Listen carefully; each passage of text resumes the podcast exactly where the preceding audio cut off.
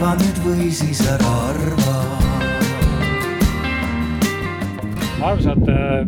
Arvamusfestivali külalised.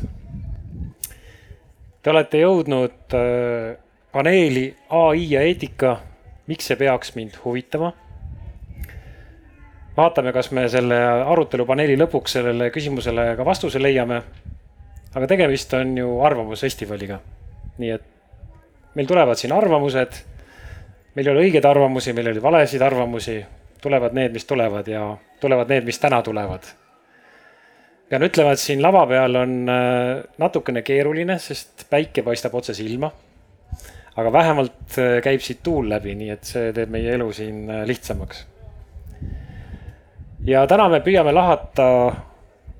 ai-d eelkõige just eetika võtmest et me ei püüa rääkida sellest, et äh, mis on tehisintellekt, mis tasemed seal on, milleks ta kasulik on, miks ta ei ole kasulik. ja püüame üles leida need nüansid, mis äh, just võtavad, äh, toovad esile sellise eetika küsimused. et noh, näiteks, et mis otsuseid me soovime, mida arvuti teeb või ei tee. kas me ootame, et tehisintellektil jääb alles loomingulisus, kas me lubame talle vabadust või paneme ta puuri ja paneme ta kitsalt tegutsema ainult selle eesmärgi nimel, mis, milleks ta ehitatud on. nii et äh, arutame nendel teemadel. nüüd enne, kui ma tutvustan paneliste ja hakkame peale aruteludega äh,. kutsun teid üles osalema meie arutelul interaktiivselt ka interneti kaudu. ja kuna meil on ka käimas otseülekanne siis kõik need, kes vaatavad seda kaugelt, saavad ka osa võtta. me kasutame keskkonda nimega Slido, slido.com. siin on äh, meil väljas ka mõned plakatid, mis seda kirjeldavad. Te võite oma nutitelefoniga seda ka QR koodi kasutada. ja kasutamine on hästi lihtne, et slido.com ja number kakssada tuhat. number kakssada tuhat on siis selle ürituse kood ükskõik millisest nutiseadmest ja millisest brauserist te sisse logite, siis selle kaudu saate sinna ligi. loomulikult äh, me eelistame inimesi, kes äh, tahavad koha peal kaasa lüüa. nii et äh, kui te tahate küsida, tahate arvamust avaldada, tahate vaielda, tahate kuidagi meie paneliste ka proovile panna, siis püüdke kuidagi märku anda, et te tahate sõna ja oma kogemusest võin öelda, et kõige lihtsam on, kui te lihtsalt püsti tõusete, siis ühel hetkel ma näen, et keegi kannatlikult ootab sõnavõtmist. sest kätt ei pruugi hoida nii pikalt üleval, kui ma teid märkan. aga kuna meie panelistid on väga jutukad, siis äh, on võib-olla lihtsam, kui te panete küsimused sinna keskkonda. Äh, seal saab ka neid äh, üles hääletada või nii-öelda lemmikud välja valida et kas siis piinlikkusest või ka siis sellepärast, et lihtsalt löögile ei saa, kasutage seda keskkonda rohkem. ja me kasutame seda keskkonda kolmel viisil. me paneme üles aeg-ajalt mõned küsimused. ja selleks, et oma teekonna sinna sellesse keskkonda üles leiaksite, siis proovige kohe vastata sellele esimesele küsimusele, mis on siis selline intrigeeriv küsimus. õiget vastust me ei tea, aga küsimus on siis selline. kas ai on ohtlikum kui inimene? Ja ma arvan, et tänases seisus, kus ai alles meil kogub jõudu, siis me saame rääkida tundest ja arvamusest. aga vaatame, mis meie auditoorium täna arvab sellest küsimusest, kas ai on ohtlikum kui inimene. ja senikaua, kuni te sinna sisse logite ja sellele pollile vastate, siis ma liigun siin äh, meie panelistide tutvustusega edasi. aga veel kord rõhutan, et siis seal keskkonnas on meil küsimused, millele saate vastata siis on olemas võimalus teil esitada teemasid ja küsimusi meie panelistidele. ja mis võib-olla kõige olulisem äh, minu võtmes on see, et äh, märkige selles keskkonnas lemmikküsimustele selle üles pöidlaga, et teile meeldib see teema. ja siis nad minu selles ülevaates siin ilmuvad kõrgemale ja ma saan rääkida ja küsida meie paneliste sellel teemal, mis on rohkem huvitav sellele seltskonnale, kes meil siin täna on ma korra vaatan, kuidas meil siis, äh, meil on kakskümmend neli inimest juba siin hääletamas. ma korra piilun, kuidas meil läheb. panen selle uuesti kinni. okei okay,, ta võib siia jääda. aga siis, meil on täna kolm eksperti paneelis. kõigepealt alustame Margitist. Margit Sutrop äh, on väga pikaajaline legendaarne eetikateemadel kaasamõtleja. Ta on Tartu Ülikooli praktilise filosoofia professor ja eetikakeskuse juhataja. ta on ka Riigikogu liige Reformierakonnast. Euroopa Komisjoni eetikaekspert, kelle ülesanne on hinnata ja nõustada kõikide valdkondade teadusprojekte kuidas teadust eetiliselt teha. ääremärkusena, et Margit oli ka üks võtmetegijaid Eesti geenivaramu esimeste eetiliste seadistuste juures kahe tuhandete alguses. Ja täna teadlasena on praegu tema uurimisteemadeks usaldus teaduse ja tehnoloogiate vastu, ai eetika ja teised uute tehnoloogiate eetilised aspektid. tere tulemast! järgmisena on meil siis Karl kes on enda kohta öelnud, et ta on keskmisest naiivsem tehnoloogia optimist. nii ta täna püüab esindada sellist äh, naiivset teadlast. vaatame, kuidas tal see välja tuleb. Aga ta on siis Tartu Ülikooli robootika kaasprofessor. teadlasena tegeleb äh, tehisintellekti valamisega füüsilisse kehasse ehk robootikaga. teda eriti huvitab inimeste ja robotite koostoime õppejõuna hoolitseb järgmise põlvkonna robotiinseneride ja teadlaste kasvu eest ja avaldanud ligi poolsada teadusartiklit eri robootika teemadel. nii et robootika ja äh, inimese ja, ja tehisintellekti kõrval olev konkurent, siis pöördume Karli poole. ja viimasena, aga mitte siis äh, kõige vähem tähtsamana on meil Henrik Trasberg ja Hendrik on, äh, esindab meil kogu selle temaatika juriidilist aspekti, nii palju, kui ta siis täna selle mütsi endale pähe paneb.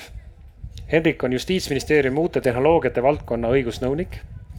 Selle raames on Hendriku vastutusalas Eesti ja Euroopa Liidu tehisintellekti reguleeriva õigusraamistiku kujundamine. ja samuti osaleb Hendrik mitmete avaliku sektori projektide käivitamisel, mille eesmärk on toetada inimkeskse ja usaldusväärse tehisintellekti kasutuselevõttu Eestis. no nii, nüüd on paras aeg vaadata, mis meie siis äh, publik arvab äh,. Küsin panelistidelt ennustusi, te ei näe tulemusi, et mis te arvate, kas ei või jaa? ma juba vaatasin. aa, sa vaatasid, sina ei saa öelda, poisid ma arvan, et äh, võib-olla see seltskond, kes siin koos on, äkki siis arvab, et tehisintellekt on ohtlikum kui inimene nii, väga, Karl? ma arvan ka, et nii on umbes. tegelikult on risti vastupidi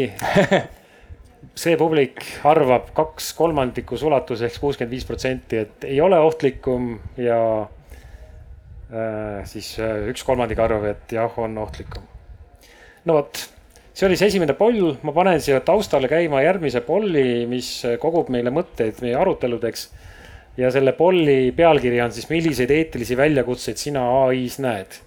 See on lihtsalt natukene teid panna mõtlema proovile vaata, vaadata ka respekt-, nii-öelda reflekteerida seda, mida meie panelistid siin siis välja toovad. ja ärge unustage siis seda küsimuste ala. Mobiili nutiseadmes, seal tuleb vaadata teist nii-öelda siis vahetada tääb, et kes ei ole kogenud, et aktiivne poll on eespool ja siis küsimused on tagapool. Nüüd me alustame seda siis paneeli niimoodi, et iga ekspert saab umbes viis kuni kümme minutit sõna avamõteteks kindlal teemal ja siis äh, sealt edasi lähme juba interaktiivselt nende küsimuste teemadega, mis meil kas siis läbi polli või muidu üles tõstetuvad. ja lähme siis sellises järjekorras, et äh, meie naiivne tehnoloogia optimist äh, alustab ja püüab tuua sellist ajaloolist dimensiooni. et kas tehnoloogia on teinud elu paremaks või kuidas ta elu on meid muutnud, et Karl, palun. aitäh, jah eks nüüd on seda siin nii palju üle rõhutatud, seda tehnoloogia optimismi, aga mida see minu jaoks tähendab, ongi see, et ma ei saaks teha oma tööd, olla insener ja koolitada järgmist põlvkonda insenere, kui ma ei usuks sellesse, et tehnoloogia muudab midagi paremaks. ja reeglina see midagi on ikkagi meie elud et tihti tuuakse neid näiteid kasvõi ütleme inimese hügieenist, kuidas see saja aastaga siin kasvõi Eestimaa pinnal on muutunud, et see elu, mida eestlased elasid sada aastat tagasi, äh, millistes tingimustes me elasime. ja nüüd, kui me tuleme tänasesse päeva, kus me saame siin väga meeldivaid maitseid nautida, suhelda inimestega siinsamas Paides, et ma arvan, et igaüks meist arvab, et me elame natuke paremini kui meie esivanemad. ja see protsess on ju kestnud aastasadu, eriti äge on olnud ta just siin valgustusaja äh, kontekstis. ja, ja kõige selle valguses ma näen, et äh, et nii-öelda need inimesed, kes tehisintellekti, aga üldse tehnoloogia arenguga tegelevad, soovivad paremat maailma. näiteks mul oli kunagi äh, just teadlastöö raames ERR-i paari ajakirjanikuga niisugune eelvestlus ja siis nad olid juba mitme teadlasega rääkinud ja siis nad ütlesid mulle nii-öelda vestluse alguses, et meile tundub, et kõik Eesti teadlased on siuksed parandamatud maailmaparandajad. et see oli nii-öelda nende järeldus ja, ja mis seal salata, ma ise näen täpselt sama asja, kui ma vaatan oma kolleegide vahel ringi, et, et me, me kõik tahame, et maailm oleks parem ja tihtipeale me muidugi võime seejuures ära unustada kõik need negatiivsed aspektid, mis tehnoloogia juures on. ja, ja ma arvan, et äh, nii mõnigi teadlane teinekord ütlebki, et see polegi nende mure, et nema, neid ajendab uudishimu, neid ajendab äh, soov elada paremas maailmas. Ja, ja selles valguses tegelikult ei ole üldse oluline, kas me räägime tehisintellektist, mingist ühest kitsast tehnoloogia valdkonnast või tehnoloogiast laiemalt, et mina nagu selles perspektiivis ei näegi väga suurt vahet see nii-öelda parem maailm, kui mõtleme inimeste peale inimeste ihade, motivatsioonide, eetiliste käitumiste peale. kas see parem maailm nüüd inimeste mõttes või parem maailm mingis äh, defineerimata idealismi võtmes? et äh, teoreetilise nii-öelda siis idealismi mõttes. natuke parem kui inimestel või parem maailm, mida me veel ei olegi kunagi tundnud, unustame ära sõjad ja haigused ja katastroofid ja kõik? ta on natuke mõlemat. Äh, ütleme nii, et kui ma näiteks äh, tudengite lõputöid äh, juhendan ja pean teinekord tegema keeleparandusi või ettepanekuid, kuidas, siis tihtipeale kohtab sellist lausestust, et, et miski on parem ja siis juhendajana kohe esimese asjana ma küsin, mida tähendab parem. on see peab see midagi, mingi number olema suurem või mingi number olema väiksem või midagi olema rohkem või midagi olema vähem. ja see, see üllatab inimesi, eriti siuksi äh, noori tudengeid. aga ma arvan, et äh, me ise ka tihtipeale ei mõtle, kui me ütleme parem, et äh, kas me elame mingites ideaalides, sest mulle meeldib tegelikult pendeldada nii ideaalide vahel kui ka mõelda lühiajaliselt mingite, mingite konkreetsete ülesannete, näiteks automatiseerimises, et robootikas me näeme seda, et on mingid tööd, mida me mitte ei taha inimestelt ära võtta, vaid inimesed ei soovi neid töid teha. ja nüüd on see küsimus, et kas tehnoloogia abil me saame need tööd ikkagi ära teha, sest need tööd on vajalikud. no nii, me jõuame selle paremuse ja ai nii-öelda võimekuse ja vastutuse kõige juurde tagasi. aga Margit, et äh, sinu kogemus äh, kõikvõimalike eetiliste väljakutsete ja, ja dimensioonide käsitlemisel on hästi pikk ja pikk, et et võib-olla sina, sul on paras avada või välja tuua need rõhuasetused, mis kui me räägime tehisintellektist ja ai-st, et mis eetilised väärtused, dilemmad, väljakutsed kõige rohkem esile kerkivad, et võib-olla avad seda maailma natuke mm? -hmm aitäh, et ma kõigepealt äh, Karliga nõustuksin selles mõttes, et väga paljud asjad, mis on nüüd ai eetika küsimused, on sellised, mida võib erinevatele tehnoloogiatele rakendada, eriti just äh, uutele tehnoloogiatele. no näiteks ma olen päris palju tegelenud biomeetriaga, eriti teise põlvkonna biomeetriliste niisuguste riskidega seotud või sa mainisid siin geenivaramut, erinevaid andmebaase, et kus suurandmeid töödeldakse, et ma arvan, et seal, kus selline ühelt poolt inimeste kaitsta inimesi, inimeste privaatsust äh, on kaalul ja teiselt poolt võib-olla sellised suuremad hüved, olgu siis rohkem teadmisi, rohkem tervist, rohkem turvalisust, et need on mõnes mõttes sarnased. no ai puhul ilmselt äh, on, äh, on erinev see, et me ikkagi mm, nii-öelda, eriti just mida enam ai areneb, räägime ka sellest, et ta võib saada ise teatava võimekuse siis öö, otsuseid langetada ja see on kindlasti nüüd erinev nende teiste tehnoloogiate puhul, kus on riskid lihtsalt selles, kuidas inimesed kasutavad neid või kuidas nad on siis nii-öelda välja töötatud ja, ja kas sinna on siis nii-öelda inimene oma kurja mingisuguse kuidagi intentsiooni sisse pannud, siis ai puhul on, on see ebamäärasus, kuidas ta ise käituma hakkab, mida enam ta suudab siis autonoomselt ise otsuseid teha, on see, mis tekitab riske. Ja ma arvan, et see meie esimene küsimus, et kuivõrd ohtlikuks me teda peame, sõltub nüüd sellest, kuivõrd me usume, et ta omandab neid võimekusi, mis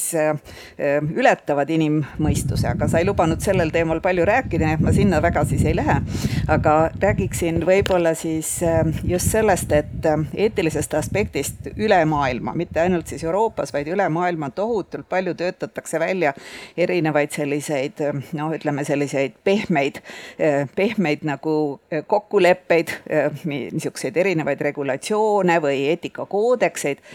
mille aluseks tegelikult on eetiline kokkulepe. et kindlasti Hendrik räägib täpsemalt sellest, mida juura teeb, aga meie nagu arusaam on, on selles, et, et liikumine toimub eetikast õigusesse ja siis on küsimus, et millistele eetilistele kokkulepetele püütakse siis need erinevad regulatsioonid toetada. ja noh, selgel on see, et hästi palju räägitakse väärtustest ja et me peaksime saama sellise väärtuskokkuleppele, millele me siis nagu toetume ja siis tekib küsimus, et, et mis on, mis need väärtused siis on, et kas me suudame nõustuda, kas meil on olemas sellised universaalsed väärtused. Ja teine aspekt, mis väärtustega seotub, on inglise keeles on selle nimi value alignment ja eesti keelde on seda siis tõlgitud, et ai-d joondada väärtuste järgi, et anda ai-le sellised nii-öelda inimlikud väärtused, et ai peaks äh, äh, nii-öelda olema siis inimese sarnane äh, ja mitte siis äh, nii-öelda tegutsema, tegutsema nagu väga erinevalt sellest, äh, mida inimene ka võib-olla soovib. Äh, ma olen ise seda nagu ka oma uurimisteemana vaadanud ja mulle tundub, et mõnes mõttes siin nüüd sõna väärtus kasutatakse võib-olla pigem isegi selliste eelistuste ja soovide tähenduses. et kõik need Nick Bostromid ja suured nii-öelda äh, visionäärid tegelikult räägivad selle value alignment'i väärtuste järgi joondamise all pigem nagu seda, et ta peaks aru saama, mida inimesed tahavad ja katsuma siis inimeste tahtmisi ellu viia. ja no ka siin, kujutage nüüd ise ette, kui palju me nõustume selles, mida inimesed tahavad, et see tundub nagu selles mõttes ühelt poolt selline päris suur illusioon olevat, et me seda nõust-, nõustumist üldse saavutame, teisalt on siiski selge, et ütleme, kui tehnoloogid istuvad koos ja seda nüüd ai puhul minu rõõmuks järjest sagedamini öeldakse, et on vaja ikkagi koos seda teha, et mitte eetika ei tule hiljem nagu mingisugused koerad, kes hauguvad ja karavan läheb edasi, vaid et nad peavadki istuma ühe laua taga ja kõigepealt aru saama just seda, et mida see tehnoloogia peab järgima, millised on need väärtused, mis me talle sisse programmeerime või millised nii-öelda need inimeste soovid on, mida me edasi anname. ja nüüd siin on nagu tõesti väga huvitav, kui sa vaatad ka neid nii-öelda regulatsioone, olgu siis Euroopa Komisjoni loodud sellised ai-d reguleerivad nagu sellised paberid, mida, mida siis viimasel ajal on välja töötatud, siis võib öelda niimoodi, et, et seal on nagu mõnes mõttes minu jaoks filoso-, filosoofina on, on suur vastuolu, et ühelt poolt ongi öeldud, et on olemas universaalsed väärtused, mida me, millele peab siis kogu selline tehnoloogia areng ja ai areng siis, siis toetuma, aga teiselt poolt on meil nõue võtta arvesse pluralismi ja erinevate kultuuride erinevust. Ja kuidas seda nagu korraga saab teha, et ma toon sellest siis ühe näite, öeldakse, et on olemas selline üks väärtus nagu näiteks inimväärikus, mida mitte mingil juhul ei tohi riivata ja samas me teame näiteks, et ütleme, inimväärikust, noh, päriselt me ei saa seda tuvastada, et mingi ühiskond või mingi grupp ütleb, et väärikus ei ole üldse tähtis. küll aga on filosoofiliselt uuritud, et on vähemalt kuusteist erinevat arusaama sellest, mis on inimväärikus või kellele see kuulub, et võib olla näiteks mõni ühiskond, kes ütleb, et inimväärikus on väga tähtis, aga see on ainult ülikute oma, mida me arvestama peame. või näiteks, et inimväärikus on meie nii-öelda geneetilise baasiga seotud, et me lihtsalt oleme kõik geneetiliselt sarnased, et selle selles mõttes see interpretatsioon on siiski väga erinev ja minu jaoks on siis küsimus, et, et ähm, kas me tegelikult sellist nõustumist saame saavutada, ma arvan, et see oleks tore, kui me saame ja kogu meie arutelu peab olema sellele suunatud, et me nõustume, aga mulle endale tundub, et alustada võiksime me, kuna me teame, kui palju kultuurilisi erinevusi tegelikult on ja kui palju me ikkagi ka erinevalt aru saame, võib-olla selleks, et seda mõista, ma toon lihtsalt meie nii-öelda lähiühiskondadest äh, näite, kuidas me näiteks Covidi pandeemia peale oleme reageerinud. et kas me nõustume sellest, et kui tähtis on näiteks ühiskonna avatus või pigem turvalisus, et kas me eh, nõustume selles, kui palju inimene näiteks vaktsineerimise kaudu peab äh, äh, nagu nii-öelda noh, ennast vaktsineerides, isegi kui ta enda tervise pärast ei muretse, panustama sellesse, et nõrgemad grupid oleksid ka kaitstud. kas ta on valmis näiteks ütleme selleks, et ta kannab ikkagi ise vastutust, et kui ta ei vaktsineeri ja haigeks jääb, et siis tervishoiukulusid näiteks ei peaks tema eest kandma ja nii edasi. Need on tohutud vaidlused, mis on olnud lähiajal mitte ainult meie ühiskonnas, vaid ka naaberühiskondades. see tähendab meil tegelikult seda nõustumist, kui palju näiteks ütleme, individuaalsed nagu huvid versus siis kollektiivsed huvid, mis on siis tähtsam või kui palju individuaalsed õigused ja meie kollektiivsed hüved, need on kõik nagu erinevad ideoloogilised raamistikus, milles meil on tegelikult lõputud vaidlused. ja nüüd lõpetuseks ma ütleks lihtsalt praegu sissejuhatuse juures, et ma arvan, et alustada sel-, noh, ütleme, et me ei peaks nagu alla andma, selge see, et, et isegi kui me tahame nüüd regulatsioone saada ja need peavad põhinema mingitel kokkulepetel, aga et siis see nõustumine minu meelest, minu soovitus nagu oleks, et alustame sellest, et tehnoloogia puhul küsime, mida me mitte mingil juhul ei taha, et juhtuks et tegelikult on kergem leppida kokku negatiivsetes väärtustes kui positiivsetes väärtustes, et mis on see, mida me mingil juhul ei taha kaotada või milles, mida me kardame, mis omakorda näitab, mida me tegelikult tõeliselt väärtustame. Ja noh, võib öelda näiteks ütleme, Ukraina sõda on ju aidanud meil tegelikult näidata, kuidas päris erinevad ühiskonnad, mis ei ole siis totalitaarsed ühiskonnad, nõustuvad selles, et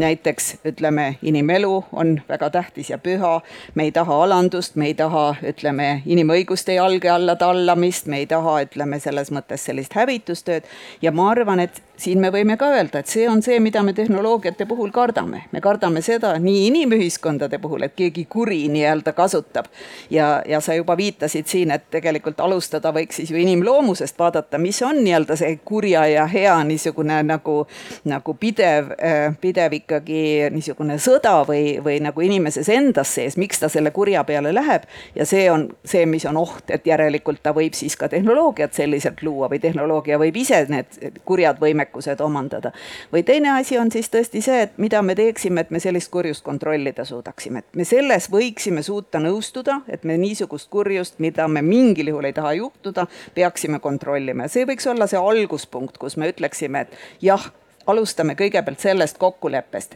mida me siis nii-öelda kardame kaotada või mida me ei taha, et juhtuks. paneme need hirmud kirja ja võib-olla sealt samm-sammult jõuame ka selle mõistmiseni, kus me nii-öelda selles positiivses väärtuste eh, asjas siis tegelikult nõustume, mis on nagu see, mida ütleme naiivselt minu meelest vahetevahel öeldakse, et ai peab teenima inim, inimkonna õitsengut, aitama nii-öelda inimestele kasu tuua aga ärme alustame kohe sellest kasust, sest seal võime me tegelikult väga erinevalt nii-öelda aru saada. alustame sellest, mida me kardame, mis on need riskid ja mis on need hirmud. et see ei ole mitte ainult nii-öelda nagu hirmutamiseks, vaid just nimelt selle kokkuleppe saavutamiseks samm-sammult, kuidas neid riske kaardistades hoiame ära selle, et seda head, mida tehnoloogia kaasa toob, ei saaks kasutada samal ajal ka nii-öelda inimkonna vastu. aitäh! aitäh! väga palju intrigeerivaid äh, kohti tekkis, aga me tuleme nende juurde hiljem kindlasti tagasi. Äh, ma toon vahepeal vahekokkuvõttena välja, et, äh, et kõige suuremaks eetiliseks väljakutseks meie auditoorium peab sellist mõtet, et ai kui eksistentsirisk. et see on see kõige suurem väljakutse, et kas, et kui me ai-d, ai-d arendame, kas me tegelikult suretame iseennast välja ja kas see mida see siis kõik tähendab, et äh, võib-olla me peame siis siin järgi mõtlema ja teistmoodi tegema, aga sellest me saab kohe Henrik lahata, et äh, kuidas siis äh, seadusandjad on selle peale mõelnud, kui palju küpseks on saanud meie seadusandjad et ava siis sellist mõttekäiku, et milline on tänane seadusandja lähenemine ai-le ja, ja eetikavaldkonna reguleerimisele, et. kas mul see asi töötab, jah ähm,? Äh, väga huvitav valgus on olnud. Ähm, ma proovin siis äh, natukene kinni haarata nendest kommentaaridest, mis on tehtud ja, ja võib-olla esimene element, mis on, mis on huvitav vaadelda, mida nii Karl kui Margit mainisid, äh, mis puudutab seda, et mille poolest siis see tehisintellekt erineb mingitest teistest tehnoloogiatest, kui me vaatame oma äh, lähiminevikku ja sellist nagu digitaliseerimise ja automatiseerimise protsessi, siis äh, tegelikult seadusandja on tavaliselt olnud üsna selline nagu äh, tagasihoidlik, et pigem me oleme lasknud nendel tehnoloogiatel väga palju areneda ja, ja mingisuguses väga hilises etapis, kui need tehnoloogiad on üsna küpseks saanud äh,, siis me oleme hakanud mingisuguseid spetsiifilisi aspekte äh, reguleerima, aga kui me vaatame internetti või küberruumi või, või enamike selliseid äh, klassikalisi algoritme, siis, äh, siis väga palju me nendesse tehnoloogiatesse ei ole kunagi sekkunud, ütleme siis meie kui, kui ühiskonnad või, või siis seadusandjad. Ähm, nüüd, mille poolest see tehisintellekt erineb või, või miks selle osas neid ohte kuidagi eriti suurena nähakse Äh, Margit tõi juba välja selle autonoomse poole, et, et võrreldes siis selliste varasemate tehnoloogiate ja algoritmidega, sellel tehisintellektil on see nagu selline siis äh, äh, see, see otsustusmudel, mida ta järgib, ei ole niivõrd selle programmeerija poolt ette antud, vaid need on mingid korrelatsioonid, mida ta tuvastab siis andmestikus. tihti nende korrelatsioonide tuvastamise tulemusel me väga hästi ei saa ka aru, miks ta selliste järeldusteni on jõudnud. nii et seal on see siis see musta kasti probleem ja, ja siis äh, selle nagu kõige teine pool on see, et äh, meil on, et kui ta lähtub oma selliste siis nende otsustusreeglite kujundamisel andmetest, siis kui nendes andmetes on mingisugused diskrimineerivad mustrid või kui nendes andmetes on ähm, nad on kuidagi mitterepresentatiivsed näiteks, et, et nad arvestavad ainult mingi teatud ühiskonnagrupi käitumismustreid ja mitte teiste, siis, äh, siis nad võivad teha ebakorrektseid otsuseid ja, ja nii edasi, nii et, et sellised nagu äh, erilised elemendid on tihti selle tehisintellektiga seotud. Selle kõrval võib-olla ka siis äh, mis on üks tehisintellekti võimekus, mis väärib äramärkimist, on, on ikkagi see, et ta on äh, võimeline väga äh, intensiivselt sekkuma selliste inimese privaatsfääri. et, tehisintellekti ja siis kogu selle siis andmeanalüütika põhjal on meil võimalik teha äh, väga kaugeleulatuvaid järeldusi, inimest väga-väga põhjalikult jälgida ja, ja tõesti teha järeldusi, mida saab ära kasutada näiteks riik äh, Äh, oma siis võimu teostamisel või, või Facebook selleks, et äh, äh, tekitada inimestes mingit tarbimissõltuvust või, või ma ei tea, Cambridge Analytica selleks, selleks, et et, ähm, et siis mõjutada näiteks valijaid, et ähm, me näeme, me näeme seda, et, et selliseid nagu omapäraseid probleeme tehisintellektiga on päris palju mille kõige tulemus on siis see, et, et meil Euroopa Liidus on täna väljatöötamas selline hästi suur äh, horisontaalne regulatsioon, mille nimi on ai määrus, mis siis peaks põhimõtteliselt kõiki tehisintellekti äh, tehnoloogiaid reguleerima, sõltumata, mis valdkonnas see on, et tõesti selline üli äh, horisontaalne ja harmoniseeritud lähenemine, mis loob ühtse reeglistiku terves Euroopa Liidus ja see peaks olema ka selline teed rajav lahendus ülejäänud äh, maailmale. Ja ja paar kommentaari võib-olla selle kohta ka, aga nende eelmiste ähm, sõnavõttude pinnalt, et üks asi ähm,, mida me teeme ja mida me ei tee seal, et, et üks asi, mida ta teeb, on, et mingid teatud tehisintellekti kasutusjuhud me, me keelame ära. et meil on mingid nagu mingisugune piir, mis on seal määratletud, kus me ütleme, et need on tõesti nagu liiga ohtlikud asjad, neid me ei taha oma ühiskonda lubada. aga, aga see loetelu on, on tõesti nagu mingisugune neli kasutusjuhtu, et see on, see on ülimalt minimaalne, isegi seal on omad erandid. Äh, et üks on näiteks see, et, et riik ei tohi avalikus kohas reaalajas äh, inimesi tuvastada, et kui siin oleks näiteks kaamera üleval, siis, äh, siis Eesti politsei ei tohiks meid kõiki siin hakata meie biomeetriliselt identifitseerima selleks, et siis tuvastada, et see, kellel on parkimis mingi trahv maksmata, et, et ta siis kohe vahele võtta, on ju. et, et seda ei tohi teha, siis ei tohi teha seda social scoring ut, mis on see kurikuulus Hiina lahendus, et me ei tohi äh, Äh, et kus inimestele antakse mingisugune skoor nende siis äh, seaduskuulekusele, millest siis sõltub see, kas nad saavad või ei saa mingisuguseid hüvesid. Ähm, ja siis on sellised manipulatsiooniga seotud, et ei tohi alateadlikult äh, inimesi manipuleerida nii, et sellel on mingi kahjulik mõju inimesele, et, et, et sellised elemendid keelatakse ära, neid on väga vähe. Põhifookus, mis regulatsioonil hakkab olema, on, on siuksed nagu läbipaistvus äh, või, või, või siis sellised ähm, sellised kohustused, mille, mille meetmed, mille eesmärk on riske tuvastada. Et kui, kui Karl rääkis sellest, et on ju, mis, mis temal paneb silma särama, et on mingisugune probleem, siis ta arendab ühe masinõppel põhineva algoritmi, mis selle probleemi lahendab, on ju, ja see on nagu fantastiline. me, meile kõik väga meeldib see, on ju, et keegi ei ole üldse selle vastu aga, aga siis, siis ettevõtja vaatab ka seda läbi nagu kasvuprisma, on ju, et, et ta, et kui laua taha istutakse maha, siis, siis esimene küsimus on see, et kuidas me kasutame seda või, või kuidas me ehitame mingi algoritmi, mis meile kasu toob. ja, ja siis selle Euroopa Liidu suure regulatsiooni põhimõtteliselt ainus eesmärk on tegelikult nagu tuua või ütleme siis üks kahest või kolmest eesmärgist, aga see on kõige suurem eesmärk on tuua laua taha äh, ka need teised inimesed ja tuua need laua taha ka need teised küsimused. et, et sul oleks tõesti nagu võib-olla eetikud ja juristid, võib-olla isegi psühholoogid ähm,, kes siis aitaksid läbi mõelda, et mis on selle konkreetse tehisintellekti äh, lahenduse äh, potentsiaalsed riskid ja kuidas neid maandada. ja seda kõike tuleks siis äh,, see on niisugune nagu suur nagu protseduur ja seda kõike tuleks siis sellises äh, nagu väga selges raamistikus teha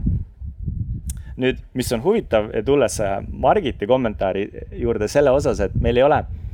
meil ei ole nagu mingit kokkulepet või hästi raske on jõuda mingisuguse kokkuleppeni, et, et äh, mis siis on okei okay ja mis ei ole okei okay. siis ega meie nagu see tehisintellekti regulatsioon, mis on tulemas, põhimõtteliselt see, seda mitte kuidagi ei lahenda et, et see ei tee peaaegu mitte midagi selleks, et ta ei ütle seda, et mis on eetiliselt, äh, mis on eetiline ja mis on mitte, et noh, et need paar asja ta keelab ära aga kõikidel muudel juhtudel ta, ta ütleb, et okei okay,, et mingid asjad on suurema riskiga, neid tuleb äh,, seal on rohkem lähi, läbipaistvuskohustusi.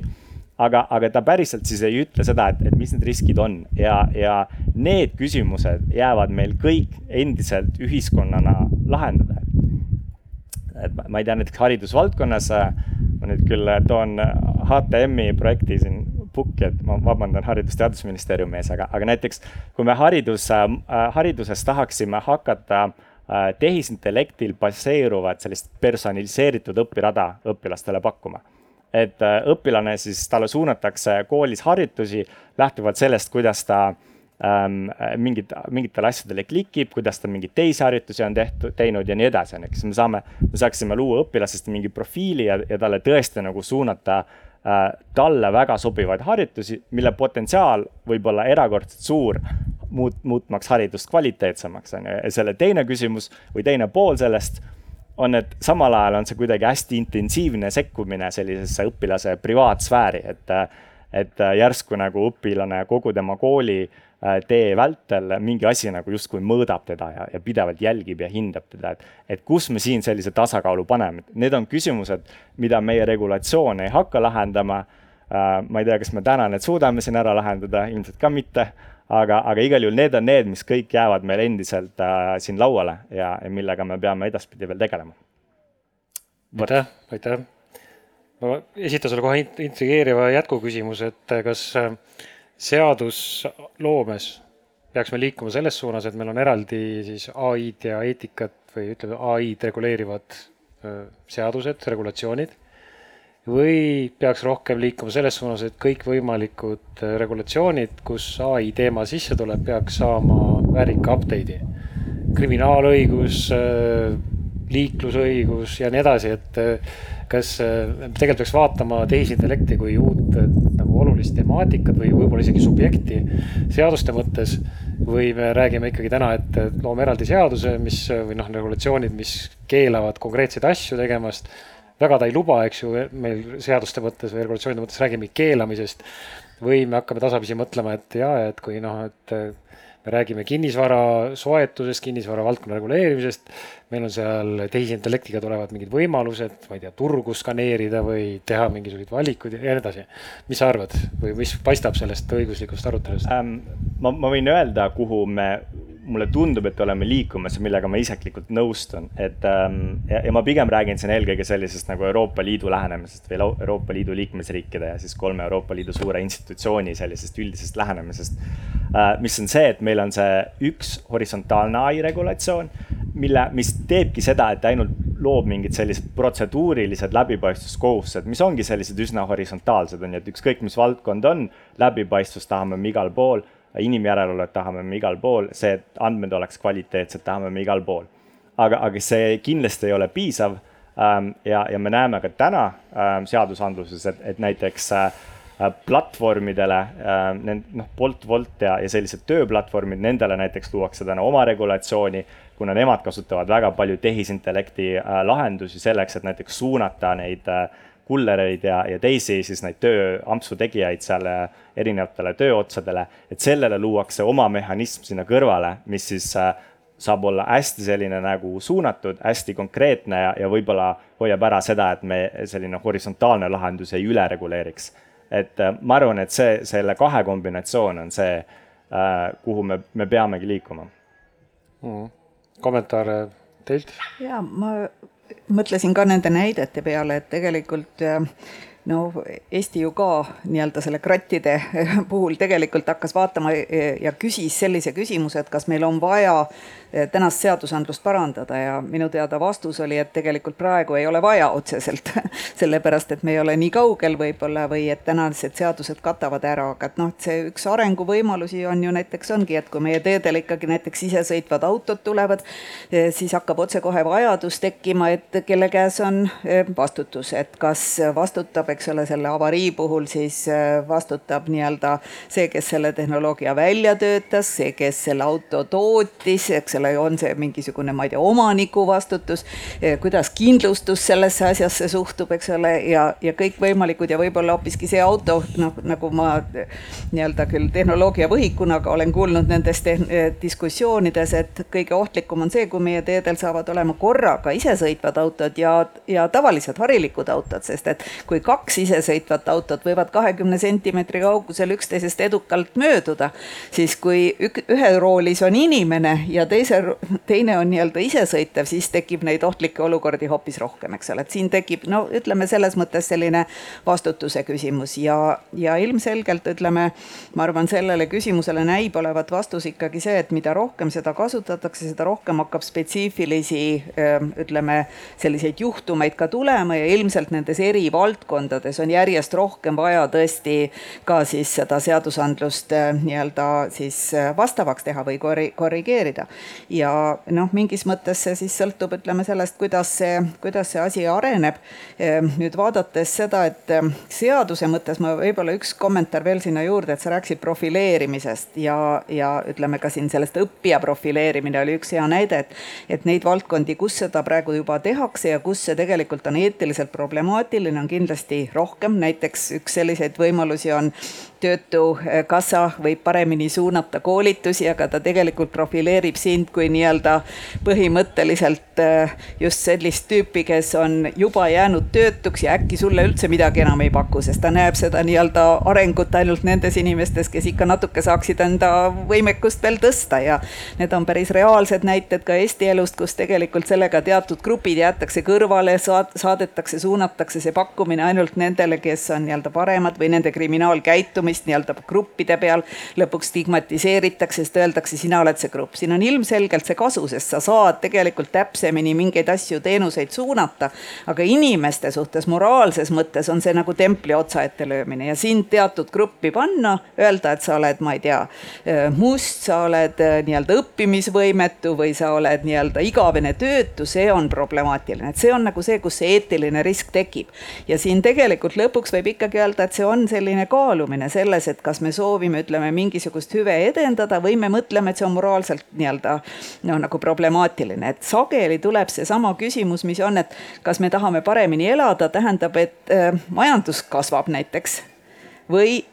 me mõtleme sellele, et loodust tuleb hoida või inimeste väärikust tuleb hoida, et siin väga sageli tuleb ka tehisintellekt, tekitab need küsimused meie jaoks, kuidas me tasakaalu leiame erinevate väärtuste vahel. näiteks majandusliku väärtuse, tervise, inimeste niisuguse oma otsustusvõime ja inimväärikuse vahel või võrdsuse ja nii-öelda selliste noh, nagu väärtuste vahel, mis moraalses mõttes meile on olulised, et need on nagu need noh, tehisintellekt minu meelest selles mõttes on eetilise ja filosoofilise filosoofilise an analüüsi jaoks super tänuväärne, sest ta toob kõik need eetika nii-öelda põhiküsimused kogu aeg igapäevaselt lauale. ja niipea, kui me midagi otsustama hakkame, nii me peame tegelikult esmalt ikkagi ütlema, mida me selle kohta eetiliselt arvame, et see ei ole kunstlik, vaid see on nii-öelda eluline eetika kogu aeg, iga päev. aitäh just, aga nüüd tahad sa ka kommenteerida? ei, ei pea? ma ainult lisaks ja võib-olla nii palju, et äh, just see profileerimise teema ja, ja see ka, mida ma ise enne ütlesin, see paremaks muutumine, et äh, seal on see oht, mis et mina näiteks kardan palju vähem seda, et mingi tuleb kuri tehisintellekt, mis siis ise otsustab inimkonna hävitada, nagu me ulmekirjandusest võime olla näinud. ma kardan palju rohkem seda, et me tegelikult inimestena ei ole valmis selleks, mida tehnoloogia ütleb meie endi kohta. noh, profileerimine on üks see näide, aga tegelikult, mida tehnoloogia on teinud kõigi nende aastasadade, aastatuhandete jooksul, ta on äh, võtnud mingi asja, mida enne on võib-olla teinud ainult inimene ja siis muutnud selle nüüd millegi välise äh, domeeniks. ja, ja tehisintellektiga lihtsalt me näeme, kuidas nüüd väga palju kognitiivseid oskusi on järsku liikunud, et mitte ainult mehaanilised oskused. ja, ja kõige selle nii-öelda lõpp võib olla see punkt, kus me sedastame, et inimene ei olegi midagi muud kui biomehaaniline robot. on küsimus, et kas me näiteks viis protsenti enne finišit ütleme, et stopp, me ei taha seda tõde teada ja me paneme regulatsioonid peale siia juurde veel vastu, et äh, ma ütleks, et äh, noh, üks võimalus on tõesti, et me ei taha teada ja selgub, et inimene on selline või teine võimalus on see, et just nimelt see tehnoloogia teeb inimese selliseks. selles mõttes, et sa oled nii nagu kellegi teise poolt determineeritud, et siin ongi seesama väärtusautonoomia kaob ära, et, et selles mõttes Hendriku see väga hea näide nagu sellest, et mis võiks selle vastu olla, et, et järjest rohkem sulle kogu aeg soovitatakse selliseid asju, mis on ju kasulikud sulle, et sa valid näiteks järjest rohkem selliseid õppijaid õpiobjekte või me teame, et telefon ütleb, et mine veel sellisele kontserdile, kus sa enne käisid või võta just see Paide Arvamusfestivaliga sarnane veel üks arvamusfestival. aga küsimus on selles, et mida rohkem sulle seda soovitatakse, seda rohkem on, ütleme, on vaja sul jõudu, et mõelda, mis need muud valikud on, et peale Arvamusfestivalil olemise võiksid sa ka näiteks kodus istuda ja artiklit kirjutada, et see nõuab nii-öelda autonoomset otsust, et äkki on mingi muu asi, et mis tegelikult minu jaoks võiks oluline olla, et et kusagil on mul need muud soovid veel sees, aga kui sulle kogu aeg pakutakse sedasama, mida sa enne oled tarbinud eks ole, siis sa tegelikult nagu tarbid seda järjest rohkem, et noh, Facebook näitab ju ka seda väga hästi, kuidas sind kogu aeg manipuleeritakse, sa loed ikkagi nende samade sõprade uudiseid ja järjest rohkem nii-öelda selliseid ja selliseid asju, et et see on nagu ma arvan, see, mis vähendab ikkagi inimese autonoomiat, et see ei ole ainult nii, et inimene ei ole autonoomne olend, vaid ta tegelikult nagu surub sind mingitesse raamidesse ja, ja teeb teatava ettemääratuse või nagu vangistab sind. Ja kui me nüüd peame autonoomiat ja seda oma valikut nagu oluliseks inimeseks, inimsuse puhul. Just see, et mis selle inimsuse puhul siis nagu kaduma läheb, ongi ju see, et kas me siis enam oleme vabad otsustajad, kas me tahame, et keegi teine kogu aeg aimaks ära, mida me tegelikult soovime ja muudkui suunaks meid sinna? Või me tahame ikkagi seda niisugust nii-öelda jalad maas ja pea selge mõelda, et mul on erinevad valikud, mul on erinevad teed ja, ja igal nii-öelda sammul uuesti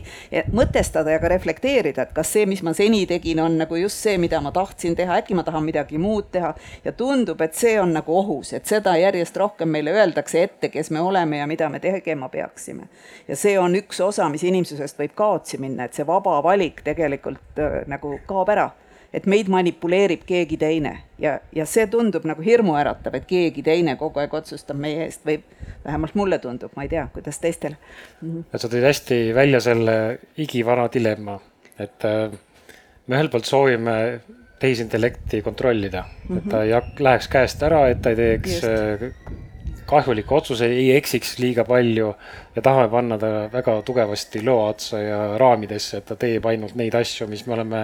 kokku leppinud, me saame aru sellest algoritmist, mida, kuidas ta seda kõike teeb. ja, ja püüame lihvida seda kõike nii paika, et me saa-, jätkuvalt hoiame kontrolli selle üle, mida ta otsustab ja teiselt poolt siis väga hästi sa tõid välja selle, et kui võtame Netflixi või võtame mingisugused muud keskkonnad, kus meil juba on ammu tehisintellekt või masinõppe sellised algoritmid taustal töötamas. et äh, samal ajal, kui me püüame lõostada seda või panna tehisintellekti raamidesse, me tegelikult tahaks, et ta oleks loominguline mm, -hmm. et ta teeks võib-olla midagi sellist, mida ei ole varem olnud võimalik teha ja teeks seda loomingulisel viisil ja oleks nagu just nimelt loominguline entity selles mõttes. nii et meil on siis ühelt poolt see raamistamine, teiselt poolt tahaks, et nagu sa kirjeldasid, me ei manduks nagu lõpuks sellesse ühtlaseks massiks, mis äh, kõik ühtlustab ära, et kõik armastavad ühte muusikat ja siis lõpuks mm -hmm. armastavadki kõik, sest nad teist ei kuulegi et proovime seda natuke lahata, et kummale poole me siis eetilises mõttes tahaks nüüd siis liikuda. selle loomingulise tehisintellektuaalse, mitte nüüd selle superintellekti suunas, aga ütleme kõikides nendes otsustes ja valikutes ka seadusandluses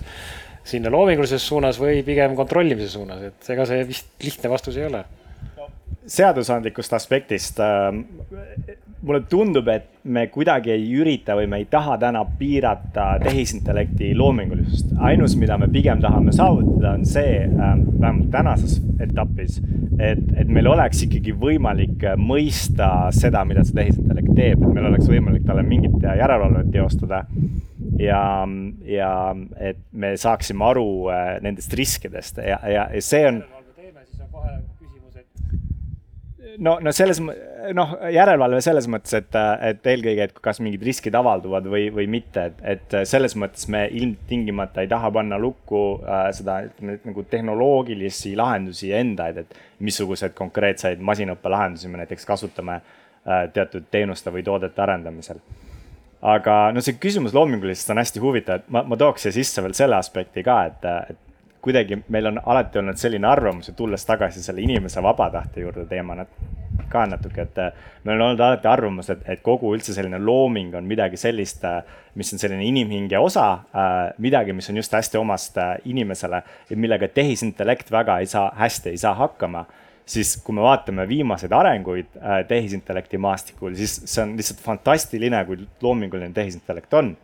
kui te näiteks olete vaadanud, mida teeb Tally kaks või, või mõned need äh, uuemad äh, sellised keeletehnoloogia põhised süsteemid, et nad on võimelised genereerima pilte, võimelised genereerima tekste, argumenteerima väga-väga hästi. Ähm, me oleme väga lähedal sellele, et genereerida nagu äh, huvitavaid mingisuguseid heliformaate, et ähm, et see, see loomingulisus, mida tehisintellekt pakub ähm, just sisu mõttes, et, et see on see on nagu päris selline hämmastav ja, ja, ja me, me noh, huvitav saab olema näha, et mis selle mõju saab olema, et, et ma arvan, et see on midagi sellist, mille peale eh, võib-olla regulaator täna väga palju ei mõtle, et, et see pigem nagu sellel lastakse kuidagi kulgeda. aga enne kui te kommenteerite, ma toon välja, et eh, meie küsimustes, meil on viisteist küsimust juba siia või teemat kogunenud ja üks kõige populaarsemaks hääletatud üheksa inimese poolt on äh, kuidas teada, kas ai otsusjäreldus on tegelikult õige, kui meie mõtlemine ei pruugi selleni küündida. ja siin tulemegi tagasi selle loomingluse juurde, et kui see loomingulisus on äh, nii-öelda meie mõistmise ulatusest väljas, et äh, hästi nagu ka resoneerub kogu see teema, mida me arutame praegu siis meie nii-öelda publiku huviga, et äh, võib-olla Margit, Karl, tahate kommenteerida seda loomingulisuse ja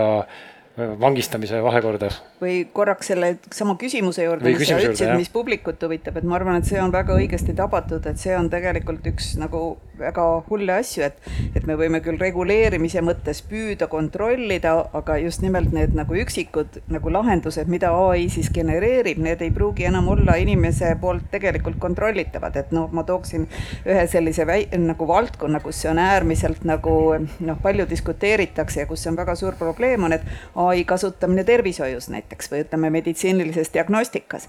et ai võimekus ikkagi, miks ta väga erinevates valdkondades nii kiiresti leiab praegu kasutust ja, ja tohutud nagu rahad pannakse ka selleks, et seda, seda nii-öelda tehnoloogiat kasutaksid rohkem eh, erinevates valdkondades, on just see, et ta suudab väga suuri andmemasse nii kiiresti läbi töötada, mida inimene tegelikult ei suuda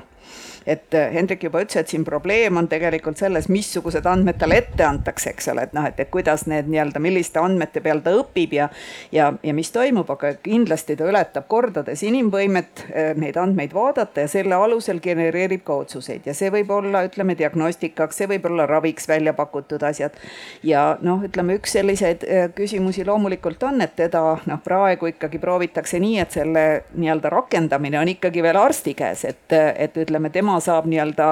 küll ütleme sellise nagu töödeldud andmete peal soovituse, aga põhimõtteliselt tema teeb seda ikkagi ise, aga see võib väga kergesti ja juba mõnedes kohtades hakkab see muutuma. ja noh, ma toon siia juurde võib-olla veel, üks on siis see kontrollitavus, eks ole, et üks noh, räägitakse seda, et mis on hästi tähtis, eks ole, on nagu see, et kui usaldusväärne see on, et kas see on ohutu ja kui usaldusväärne on, et, et ühelt poolt nagu püütakse nagu seda nii-öelda tagada sellega, et me saaksime alati, inimene saaks minna tagasi ja vaadata, milliste algoritmide peal ja kuidas nagu see tee on käinud, eks ole, kuidas ta on jõudnud selle otsuseni, et see oleks nii-öelda läbipaistev ja et ta oleks nii-öelda kontrollitav et need on nagu üks, ühed asjad, aga konkreetse otsuse puhul ei pruugi see enam nagu võimalik olla. Ja teine võib-olla niisugune huvitav aspekt, ma olen päris palju lugenud neid artikleid ka siis meditsiinieetika kohta, kus praegu see küsimus tekib ka selles, et näiteks keda patsient peaks usaldama, et kas patsient peaks teadma, et arst on teinud oma otsuse ai tehnoloogia nii-öelda või ai süsteemidele nagu genereeritud otsusele, et kas see on nagu oluline, et ta peaks seda teadma, sest et see on oluline patsiendi autonoomiaks, tema oma usalduse ja nii-öelda noh, nagu, nagu ehitab ju üles selle peale, et ta äh, paneb ja, ja, ja asetab oma usalduse arsti sisse, aga kas ta peab teadma, kuidas arst selle otsuseni jõudis, eks ole. et sihuke noh, väga suur, väga suur ja selline huvitav, huvitav küsimus, et ühelt poolt on see nagu petmine, kui me ei ütle seda.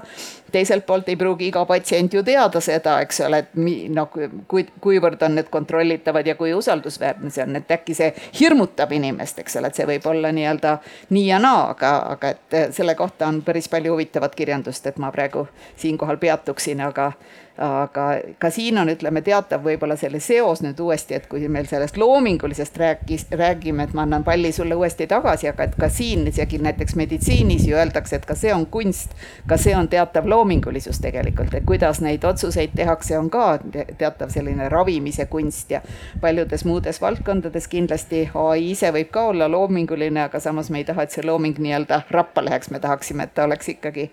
ikkagi teatavas mõttes inimese, inimese nagu huvides huvides ma kohe annan, Karl, sulle sõna. ma vahepeal panin käima ühe polli, mille pealkiri oli, et kas ai-le, ai-le peaks lub, olema lubatud rohkem või vähem kui inimesele. ja ma seda välja ei kuulutanud, aga kaheksateist inimest vastas ja ma ei hakka siin pikemalt äh, seda vaagima, aga et selgelt kaheksakümmend kolm protsenti arvab, et vähem peaks olema lubatud, et äh, kui inimesel, et meie ei võta teda, seda ai-d veel sellise tõsise partnerina aga panen käima ühe teise polli, et kui palju tohib ai eksida, et avaldage arvamust sellel teemal. ja siis me jõuame selle juurde tagasi, et see vastuse variandid on sama palju kui inimene, praktiliselt üldse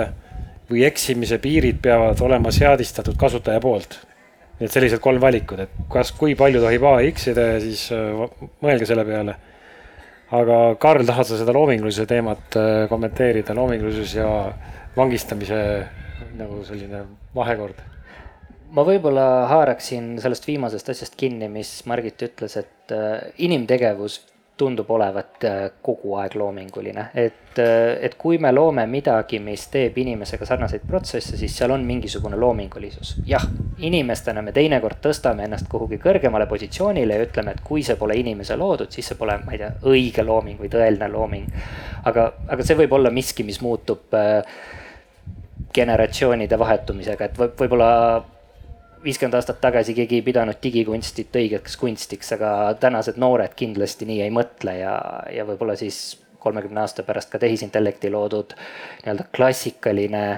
kunst, on see muusika, sõna või midagi taolist, võib olla vägagi äh, tugevalt äh, hinnatud.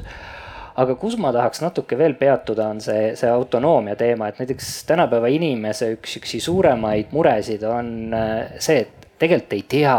mis on õige, mis on, millist äh, teed valida, sest et informatsiooni on tohutult palju. siis visatakse see loosung välja, et äh, aga igaüks võib ise otsustada. aga tegelikult äh, väga väheseid meist on haritud või õpetatud ise otsustama ja isegi need, kes oskavad nii-öelda igapäevaselt otsuseid vastu võtta ei pruugi üldse olla nii-öelda sada protsenti oma otsustes kindlad, nad lihtsalt teavad, et otsus peab sündima. ja, ja näiteks see näide, et kas äh, kas patsient peaks olema teadlik, et äh, tehisintellekti kasutati selles osas ja ma ei tea, kui usaldusväärne see tehisintellekt on. ma küsiks teiselt poolt juurde, et, et kas patsient peaks olema teadlik, mis oli tema arsti äh, kõrgkooliõpingute ajal keskmine hinne. Äh, kui palju on tema käe all olnud mingeid surmaga lõppenud olukordi, et seal on nagu tohutult palju infot, mida me näiteks inimeste puhul tulid kunagi need Rate My Doctor lehed ja, ja me pigem pidasime seda sihukeseks ebaeetiliseks keskkonnaks, et. et nagu sihuke pime usk arsti oli nagu põhjendatud, aga, aga, aga pime usk tehnoloogiasse, tehisintellekti ei ole põhjendatud. et mina tihtipeale nende arutelude keskel mõtlen, et, et kui me räägime kitsast tehisintellektist, mis täidab mingit funktsiooni, mis on, on inimese poolt määratud meil on väga range kontroll selle üle, mis, mis seal toimub ja, ja minu jaoks seal nagu probleemi ei ole. me, ei ole õiguslikult probleemi, ei ole moraalset probleemi, sest et, et lõppkokkuvõttes see inimene, kes seda süsteemi kontrollis, tema nii-öelda suudab sõnastada, miks asju tehti nii kui me läheme laiemasse tehisintellekti definitsiooni, ehk siis see, mis peaks meenutama natuke sihukest inimlikku autonoomiat siis mina paratamatult tahan küsida, et aga mida me sarnases olukorras teeme nii-öelda teise inimesega, talle õigusi andes või talt neid õigusi võttes. ja siis ei ole enam see küsimus selles, et kas me, kas me usaldame tehisintellekti rohkem kui inimest või, või kas me, kas me lubame tehisintellektil rohkem kui inimest, vaid küsimus on, kas me lubame tehisintellektil rohkem kui millisel inimesel, ehk siis me lubame mõnel inimesel rohkem Eh, mingit, me usaldame mingeid eksperte mingite sõnavõttude koha pealt, mitte, mitte, mitte see, et eh, ma ei tea võtame viroloogilt IT-alast nõu või vastupidi. et eh, me, me vaatame seda spetsialiseerumisena ja noh, näiteks selle arsti olukorra näitena ma võiks öelda, et kui tehisintellekti abil parandatakse inimeste diagnostikat, siis tekib ju mingil määral selline paralleelne võimalus, mis täna on inimestel, et läheb ühe arsti juurde, saab mingisuguse arvamuse mis on siis loomuliku intelligentsi pealt, läheb teise arsti juurde, saab arvamuse ja mida rohkem viitsib neid inimesi läbi käia, seda rohkem arvamusi saab kui nüüd on tehisintellekti põhine diagnostika, siis tal ilmselt jookseb kuhugi äppi sisse, et me lasime kümnest erinevast närvivõrgust sinu andmed läbi. see närvivõrk ütleb seda, see närvivõrk ütleb seda, see närvivõrk ütleb seda ja noh, nüüd kui, kui need närvivõrgud nõustuvad, siis on ilmselt mõnevõrra lihtsam see muidugi ei tähenda, et see on õige, lihtsalt see tähendab, et nad nõustuvad. Äh, aga kui nad hakkavad eriarvamusi andma, siis on muidugi inimene jätkuvalt selle äh, lõhkise küna ees, et äh, autonoomiat on, aga mida teha, see, seda ikka ei pruugi teada. Hendrik, sa tahtsid kommenteerida, aitäh. ma tahtsin et mul vist ei tööta see, nüüd töötab um, ma, ma kunagi tegin päris palju uurimustööd äh, selle kohta, et kuidas kohtunikud teevad oma otsuseid äh, kohtu siis lahendites. Ähm, ja, ja seal päris nagu huvitavat äh, statistikat ja informatsiooni leiab selle kohta, et me tegelikult üldiselt meil on, kohtunikul on selline ilus äh, kognitiivselt mõistetav argumentatsioon, miks kohtunik jõudis sellisele järeldusele aga, aga siis, kui seal hakati tegema mingeid teatud teste ja katseid, siis, siis mis nähti, on see, et sellised asjad nagu, et kui ilus on täna ilm, äh, kui tühi on kohtuniku kõht, kas tema kodulinna jalkameeskond eelmine õhtu kaotas või võitis. sellised asjad väga märkimisväärselt hakkasid mõjutama äh, kohtuniku otsuseid ja kohati need korrelatsioonid olid nagu hämmastavalt kõrged, nagu eriti see tühja kõhu teema oli nagu, see oli nagu müstiline. Ähm, ja siis Äh, noh, mis, mis nagu tõstatabki selle küsimuse, et tõepoolest, et ega me tegelikult nagu inimese nagu sellist nagu kognitiivset protsessi ka väga hästi ei tea. et, et me küll loome selle sinna selle ilusti nagu mõistetava argumentatsiooni pärast juurde, mis justkui põhjendab, miks inimene otsustas nii või teisiti. aga, aga, aga noh, ütleme, et see argument võib täiesti olla et, et see argumentatsioon, mis sinna juurde tuli, tuli pärast seda, kui inimene oli oma siin neuroloogiliste mingite protsesside tulemusel juba selle otsuseni äh, jõudnud ja ilma, et ta isegi oskaks võib-olla öelda, miks ta selle otsuseni jõudis. aga, aga teisest küljest muidugi see on see küsimus sellest nagu usaldusest ja, ja isegi kui see kõik on tõsi, mis, mis mina just ütlesin ja mis sina ütlesid ka, et see, see võib ju kõik nii olla aga me peame ikkagi arvestama seda, mis on meie ühiskonna usaldus tehnoloogia vastu. ja, ja isegi kui see, äh, see usaldus on, on madal põhjendamatult siis me ei, sellest ei saa kunagi kuidagi üle sõita, on ju, et me peame lihtsalt äh, seda, äh, seda, seda sügavuti arvestama ja sellest väga palju lähtuma. nii, ma ei näe nüüd, et keegi püsti seisaks. seal on üks küsimus. seal on üks käsi, vot, sa oled küll vale nurga valinud täpselt mu selja taga. aga sa saad sealt mikrofoni ja, ja kuna me teeme otseülekannet, siis on parem mikrofoni rääkida, aga palun aitäh. Äh, kõigepealt, kuna tegemist on Arvamusfestivaliga, siis üks tähelepanek siia algusesse. et, äh, et selliste arutelude puhul on hästi keeruline just see, et algul on see definitsiooni küsimus, et mis me ikkagi ai alla või tehisintellekt, tehisintellekti alla nagu liigitame, eks.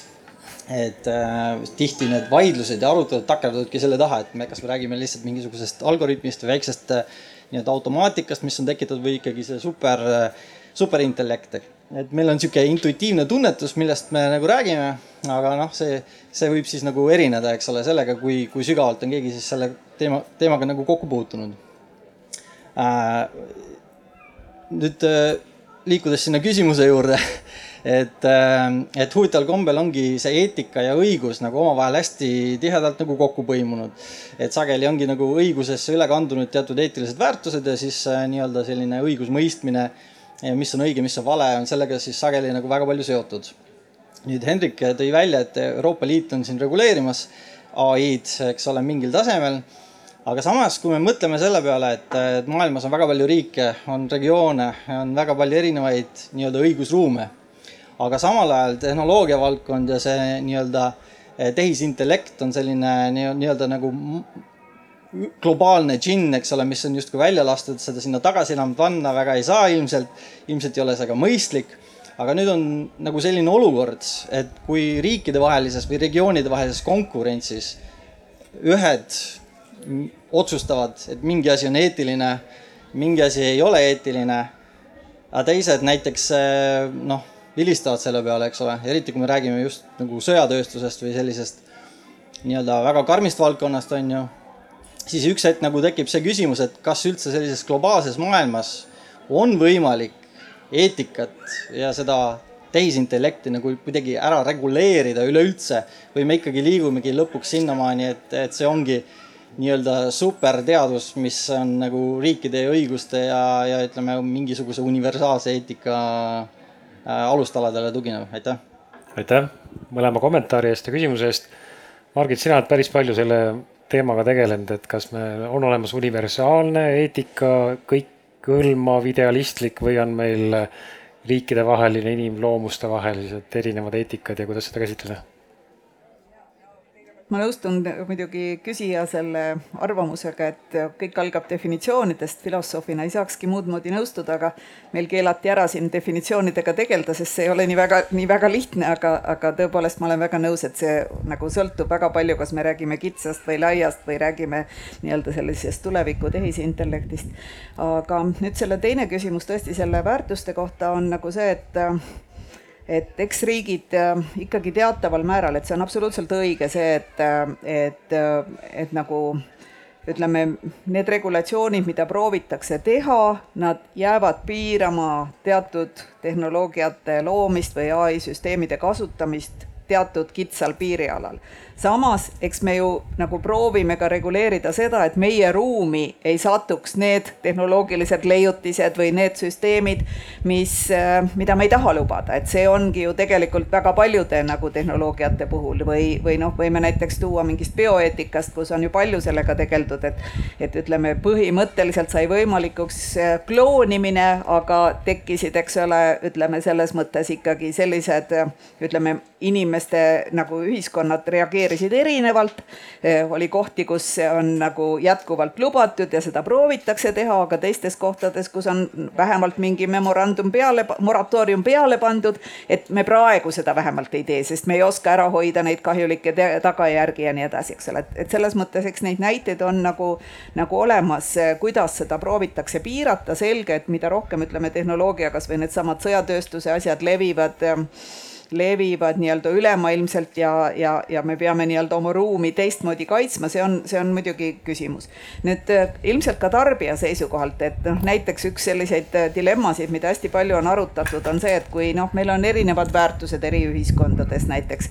et autotööstus siis, mis äh, isesõitvaid autosid toodab, võib-olla, et on meil näiteks mõned autod, mis on toodetud nagu kantiaanlikult, kus öeldakse, et igal juhul kellegi tapmine näiteks on keelatud ja teised teised autod, mis ütlevad näiteks, et aga loomast peaksid sa ikkagi üle sõitma, sellepärast et sa päästad inimesed ja sa tekitad muidu liiklusohtliku olukorra, eks ole. ja nüüd, kas see inimene, kes seda autot ostab, peaks teadma, mismoodi see on loodud, on see utilitaristlikult mõtlev auto või see on kantiaanlikult mõtlev auto, kus ta igal juhul seda printsiipi kaitseb, eks ole. või mingi maa võtab ainult sellised autod endale tootmisse, et need on kindlasti sellised äh, nagu, nagu olulised kohad, kus me peame mõtlema. tõenäoline on see, et enamasti tuleb see vastus niimoodi, et nii nagu on inimesed erinevad ja me ei saa seda, selle vastu midagi, nii on ilmselt ka need inimeste loodud tehnoloogilised nii-öelda nagu, nagu ettevõtmised siis erinevad, aga me proovime jõuda selle ühtse arusaamani. Ja ma arvan, et see, mida ka siin Hendrik rääkis, et Euroopa Liit proovib niimoodi, Austraalia proovib niimoodi, Ameerika proovib niimoodi, aga enamasti me vaatame, et regulatsioone näiteks, näiteks Põhja-Koreal nii väga selle kohta, kuidas seda ohutult, ohutut ai-d üles ehitada ei ole, eks ole, või Hiina ütleb, et andmed kuuluvad riigile ja me teeme selle peal selliseid asju. see on meile oht ja seda ohtu me tegelikult peame tõepoolest tajuma, et aga, aga noh, me ei anna alla, et me proovime, ütleme ka nende maadega, mis on totalitaarsed ja kahjuks on nagu politoloogid ütlevad, et meil on rohkem totalitaarseid maid kui demokraatlikke. et see on tegelikult see oht, mis nagu nii-öelda seda tehnoloogiamaailma nagu, nagu saadab. ja noh, ütleme väga sageli tehnoloogiaeetikas öeldakse, et paraku me peame sellega arvestama, et mida inimene suudab ära teha, see ka tehakse. ükskõik kui palju me oma regulatsioonidega seda ei keela, kusagil maailma nurgas tehakse see ära. see tähendab, pigem paneme nagu mitte ainult nii-öelda keelamise peale oma energia, vaid mõtleme ka, kuidas ennast kaitsta, kui kusagil tehakse midagi, mis on ohtlik. Karl, kohe palun sult midagi kommenteerida, aga, aga nüüd meie Polli vastused hästi iseloomustavad seda olukorda, kus me räägime sellest äh, idealistlikust, universaalsest tehisintellektist või eetilistest otsustest tema puhul või et ta peaks olema seadistatav kasutaja eeliste järgi, eelistuste järgi, et äh, isesõitev auto, nagu sa kirjeldasid, et kas ta jääb alla looma, lapse või äh, nii-öelda täiskasvanud töövõimelise inimese, et, et selle peaks seadistama siis autojuht enne autosse istumist, et mina tahaks selliseid eetilisi seadistusi sel-. jah, just, et ja siin tekib kohe küsimus, et no kas see on nüüd siis äh, jälle rahvusvaheliselt reguleeritud, on see tootja, on see indiviid ja on see indiviid, indiviidi enda eetiline otsus. mina olen selle auto roolis, minu eetilised tõekspidamised on sellised ja mina pean oma tehisintellektid selles ümber seadistama selliselt. ja nüüd see küsimus, kui palju tohib ai eksida, selle tulemused olid sellised, et eksimise piirid peavad olema seadistatud kasutajate poolt oli viiskümmend seitse protsenti, nii et pool meie audientsist ja rohkemgi, kaks kolmandikku peaaegu arvab, et peaks olema seadistatav, et siis seda, et ta sama palju kui inimene võiks eksida, seda keegi ei usu, et see on kõige nõrgem või kõige viimane. ja siis kakskümmend kuus protsenti arvab, et tehisintellekt tegelikult ei tohiks eksida praktiliselt üldse mm. -hmm. aga nüüd tulles korra selle esimese kommentaari juurde, siis äh, Karl, sina kui abiprofessor, äkki sa natuke mõtestad seda definitsiooni, mida siis Margit ütles, et ma ei lubanud defineerida, aga defineerime korraks. et mis ai kategooriatest me võiks rääkida, kui me räägime ai-st? Mina paratamatult tõmban tehisintellekti definitsiooni oma igapäevaelus võrdlemisi laiaks. Ja mitte, et ma seda kuidagi nüüd ise tõmbaks laiaks, vaid see on lihtsalt, ma panen sinna definitsiooni sisse selle, mida inimesed on aastakümnete vältel tehisintellekti raames teinud, ehk siis, et maailmas elab äh, kõrgeealisi insenere, kes on näinud äh, kahte-kolme tehisintellekti buumi. Äh, ja, ja neid tõesti on olnud rohkem kui üks, et täna me räägime masinõppel põhinevatest tehisintellekti algoritmidest, aga tegelikult kui me vaatame insenertehniliselt, siis seesama eetiline küsimus, et kas isejuhtiv sõiduk ajab auto Äh, alla koera või, või, või põhjustab äh, õnnetuse, mis võib tekitada äh, vigastusi reisijale. ei ole üldse oluline, kas see oli nüüd masinõpitud algoritm või see oli võrdlemisi nii-öelda lihtne algoritm, kus oli lihtsalt sisse kirjutatud rangelt, et vot nii oli. et see, need mõlemad kukuvad selles osas tehisintellekti kategooriasse ja ja niimoodi vaadates me tegelikult jõuame sinna, kus ma väga alguses olin, et, et see tehisintellekt ja tehnoloogia üldisemalt lähevad nii-öelda, hakkavad üheks sulanduma. aga et noh, mingil määral natuke seda konkreetsust luua, siis on ju kõige klassikalisemalt räägitakse täna nii-öelda sellest äh, kitsast tehisintellektist, mis äh, on siis masinõppepõhine nähtus, mida me võib-olla näeme isejuhtivates sõidukites, mida me näeme äh, ka seal Facebooki algoritmides, Youtube'i algoritmides, mis siis lahendavad mingit ülesannet, mis neile on antud inimese poolt ja nad teevad seda väga hästi, me kõik oleme seda kogenud, äh, kas siis positiivselt või negatiivselt ja, ja siis teinekord pannakse sinna juurde, et, et me ei saa aru, kuidas nad toimetavad, see ei ole muidugi lõpuni tõene väide. me ei saa esmapilgul aru, sest et me, me lihtsalt näeme mingisugust lõpptulemit ja et aru saada, see täpne otsustusprotsess on, see on väga äh, mahukas äh, protsess ja, ja neid inimesi, kes oskaks selle nii-öelda lahti hekseldada, on vähe ja siis räägitakse sellisest universaalsemast intelligentsist äh, tehisintellektist, mille võiks siis saavutada tulevikus. Äh, selle kohta on üks äh, sihuke ilus mõttetera, ma kahjuks jään autori võlgu, aga et see on see, et, et, et, et tõenäoliselt see saavutatakse. aga lihtsalt me ei tea kunagi, millal ja kui ta tuleb, siis ta tuleb väga äkki. ehk siis, et nagu paljud tehnoloogilised hüpped, et see juhtub sisuliselt üleöö ja kas ta nüüd juhtub äh, järgneva viie aasta pärast või alles viiesaja aasta pärast, seda me täna ei tea. tagantjärele on see kindlasti hästi loogiline mõtestada, kuidas ta juhtus Äh, aga, aga nagu ma alguses ka ütlesin, siia juurde kuuluvad ka kõik need muud klassikalised algoritmid, mis on, mis ei ole tingimata iseõppelised, aga need võivad samamoodi minna väga keerulisteks, sest et, et üks kiht, mis tuleb juurde näiteks tehisintellekt reeglina, me räägime sellest nii-öelda tarkvaraarenduse äh, kontekstis. Ja, äh, ja tarkvaraarendajate seas on väga hästi teada tõde, et kõik kood on bugine iga kood sisaldab vigu. ehk siis me ei pea üldse rääkima tehisintellektist, vaid ootamatud käitumised äh, mingite programmide poolt juhtuvad aeg-ajalt kogu aeg. ja, ja neid siis tagantjärele saab analüüsida, aga ette ennustada äh, on väga keeruline. jah, Margit ma võib-olla sinna juurde veel selle definitsiooni osas, et, et mulle endale on nagu palju abiks olnud see, kuidas Euroopa nagu liidu juures või Euroopa Komisjoni juures selline definitsiooni välja töötav kõrgetasemeline grupp siis proovis seda nagu defineerida ja ja mulle endale meeldis see, et nad nagu rõhutasid seda, et, et ütleme, et need, et me räägime ai süsteemidest, eks ole, mis on tegelikult ikkagi nii-öelda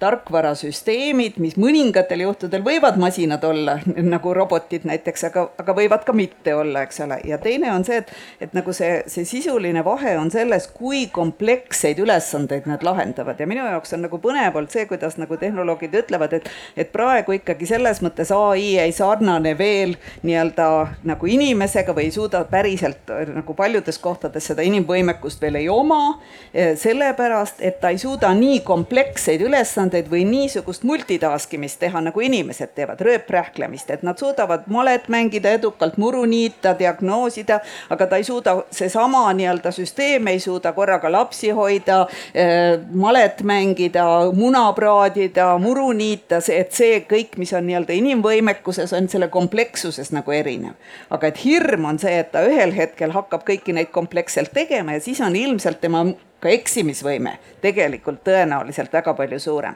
ja ma korra tooks siia nüüd uuesti, et lõbusamaks seda teha, seda minu nagu lemmiknäide või ma arvan, mis üliõpilasi alati lõbustab, on ikkagi see, et kus see eksimine toimub, on just see, et me nagu disainime, ütleme küll, süsteemi, mis on suuteline näiteks mm, toitu valmistama aga anname talle nii-öelda vähe parameetreid või selgitame vähe meie soove ja meie väärtusi ja siis, kui kodus millestki süüa teha ei ole, siis keedetakse kass ära näiteks lastele õhtusöögiks, eks. et see on nagu noh, selles mõttes selline nagu, nagu hästi ju näitab, et me peame mitte ainult andma talle ülesande teha süüa, vaid ütlema ka Ehm, noh, mis on need nii-öelda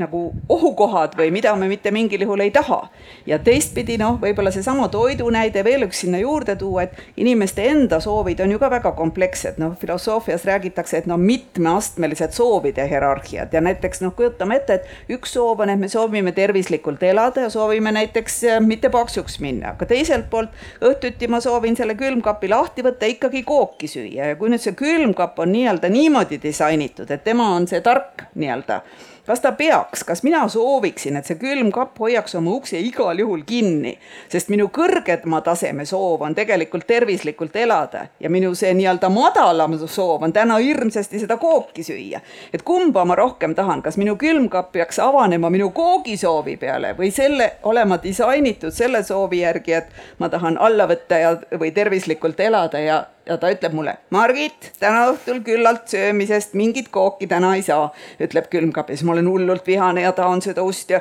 rusikatega ja, ja ütlen, et tehisintellekt on eksinud, minu tõeline soov on täna kooki süüa. natuke lõbusamat ka. ja me väga hästi teame, mis lõpuks peale jääb. no kumb siis, vahetan külmkapi välja, tõenäoliselt ostan sellise. Oma näitel võin öelda kindlasti peale see madal soov, et tahan kooki süüa, tühja see külmkapp, ma lähen sealt tagaseinast läbi, et Just ma panin uue küsimuse püsti, mille me varsti kommenteerime, et kuna piirata ja reguleerida ai kasutamist, et kas ennetavalt maandama riske ja reguleerima, seda, mida me siis natuke võib-olla täna teeme, või tasapisi siis, kui probleemid avalduvad ja avaldage siis arvamus seal pollis. aga ma tulen äh, korraks tagasi selle definitsiooni juurde, et üks hästi nagu põnev mõttekäik selle nii-öelda siis tulevikustsenaariumis äh, tehisintellektiga, mis saavutab iseteadvuse ja on tõenäoliselt tollel hetkel meist palju targem ja osavam ja me ei suuda hoomata tema võimekust. et, et see nagunii tuleb, et see ennustatakse, et see ühel hetkel tuleb, tuleb ta viiesaja aasta. nii, ja nüüd tulebki kohe küsimus, et, et see tuleb niikuinii, et ja nüüd on koht, kas me selleks valmistudes püüame kogu sellesse tehisintellekti arengusse sisse seada äh, piirangud ja reeglid, et ühel hetkel, kui see plahvatus toimub, et siis eh, tema võimekus kahju tekitada oleks võimalikult väike. et ei pääse näiteks sõjalistele süsteemidele ligi mitte mingil juhul või et see nii-öelda tehisintellekt siis ütleme, triikraua sees saavutab selle iseteadvuse ja las ta seal siis triikraua sees toimetab, et vahet pole. või on siis teine lähenemine, et eh, me püüame seada kogu selles arengusse sisse selliseid eetilisi tõekspidamisi, et ühel hetkel, kui ta iseteadvuse saavutab, siis ta ongi nii-öelda hea iseteadvus, ta teeb eetiliselt õigeid otsuseid, sõltumata sellest, et me teda käseme. et see on see, et lapsed kasvavad ilma vitsata, eks ju, et see nagu hariduslik äh, küsimus. et kui me nüüd lähtume sellest, et ühel hetkel ta on iseteadlik olend, mis taktika me siis peaks nüüd äh, valima ja kas me suudame selle tegelikult siis ära valida, et kommenteerige seda.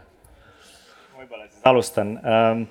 ma eristaks ka nüüd kahte elementi, et üks on nagu iseteadlikkus, mis on see, kus siis see tehisintellekt saab selle iseendast teadlikuks. Äh, selle osas on, no me, me ei tea nii palju teadvusest, et me ei tea, kuidas või mismoodi see juhtuda saaks või, või mis oleks selle kõige mõju, kui tark see tehisintellekt oleks. Äh, see on nagu see üks pool. Ja teine pool on see, kui tehisintellekt saavutaks näiteks singulaarsuse, mis on see hetk, kus ta oskab siis äh, iseennast õpetada paremini, kui ükski inimene teda täna paremini oskaks õpetada, mistõttu see hetk võiks toimuda selline intelligentsuse plahvatus, kus see tehisintellekt saab lihtsalt üli-ülitargaks. ja no sellisel hetkel, ega me päriselt nagu ei oska selleks valmistuda, ma, ma ei ole kindel, et noh, ma võin öelda nagu regulatsiooni vaatenurgast, mitte mingit ettevalmistust, ma arvan, täna ei tehta, nii palju kui mina olen nagu näinud mingeid erinevaid äh, asju, mis toimuvad selles valdkonnas, et, et pigem on see ikkagi selline äh, teoreetiline diskussioon, et, et äh, mida see võib tähendada äh,. kui suur on see tõenäosus, et sellel tehisintellektil on mingisugune oma tahe, mis ei ühti inimese tahtega ähm,. aga, aga kuidas me selleks saaksime ette valmistuda, no see on, see on väga-väga väga keeruline on öelda seda, et, ähm, et pigem nagu sellel ei ole täna mingisugust äh, head äh, vastust selle teine pool, mis ma võib-olla kiiresti siia sisse tooks, on, on see, et, et kuidas, et ühel hetkel ükskõik, kas see tehisintellekt on, on ülitark või, või lihtsalt tark, aga et ütleme, et ühel hetkel tal hakkavad tekkima funktsioonid, milles, mis lihtsalt muudavad ta targemaks konkreetsetes valdkondades kui inimene ja siis tekib see roll, et mis on üldse selle inimese roll ühiskonnas, nii et, et see on küsimus, ma arvan, millega me kindlasti peaksime täna hakkama juba tegelema. et ümber mõtestada see, et kui tõesti äh, tehisintellekt on äh, loomingulisem kui, kui kunstitudeng, et mis selle kunstitudengi roll siis on. või kui, kui tehisintellekt äh, hakkab järjest mingisuguseid otsustusi tegema paremini kui meie, et, et siis, siis kuidas me tagame selle, et me ikkagi suudame